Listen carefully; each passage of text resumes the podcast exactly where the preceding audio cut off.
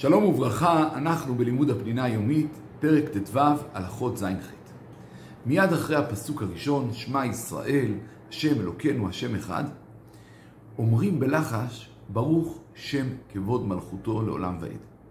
האמירה הזאת היא על פי מסורת קדומה, שמסופרת בתלמוד במסכת פסחים. וכך מספרת הגמרא, שכאשר יעקב אבינו היה רגעים לפני פטירתו, כל בניו התכנסו סביב למיטתו. וביקש יעקב אבינו לגלות להם את הקץ. ונסתר ממנו הקץ, ולא הצליח לגלות להם. חשש יעקב אבינו שאולי אחד מבניו לא מחובר באופן שלם לאמונה בהשם. ואמר שמא יש בזרי פסול, כמו אברהם שיצא ממנו ישמעאל, כמו יצחק שיצא ממנו עשיו. נענו בניו ואמרו לו, שמע ישראל, השם אלוקינו, השם אחד, כשם שבלבך אחד, כך בלבנו אחד.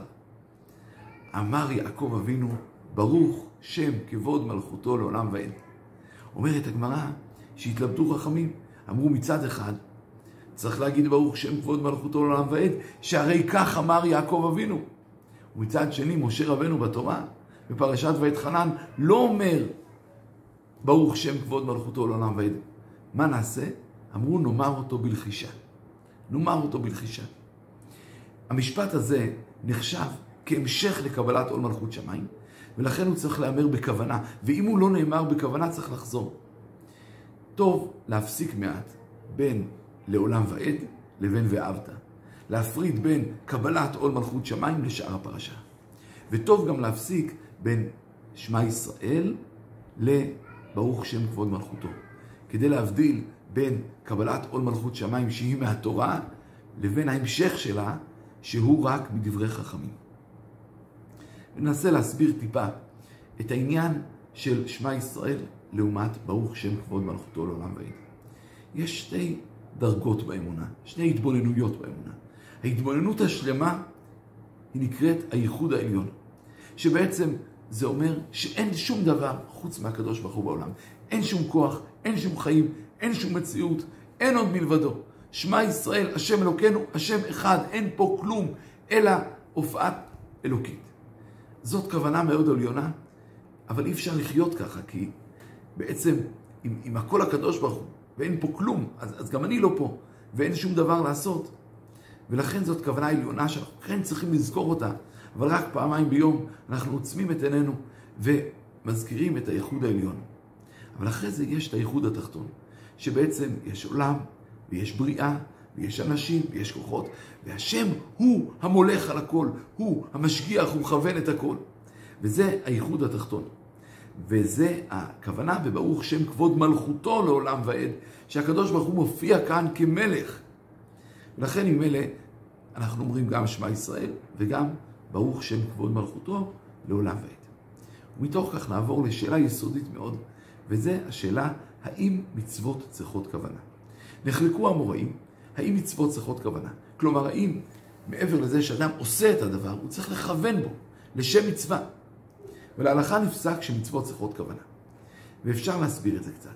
שכמו שהאדם יש לו גוף ונשמה, ואין גוף בלי נשמה, וגם הנשמה היא לא יכולה להתגלות כאן בעולם בלי גוף. ככה מצוות צריכות מעשה וכוונה. גוף ונשמה. אדם שקורא בתורה בפרשת ואתחנן, והגיע בדיוק זמן קריאת שמע, והוא קורא את פרשת שמע, אם הוא כיוון ליבו לצאת, זאת אומרת, הוא אומר, אני, אני מכוון לצאת ידי חובת מצוות קריאת שמע, יצא. אבל אם הוא לא כיוון ליבו לצאת, אלא התכוון רק לקרוא בפרשת ואתחנן, לא יצא. נמצאנו למדים ששתי כוונות צריך בקריאת שמע. כוונה אחת, לצאת ידי חובת מצוות קריאת שמע.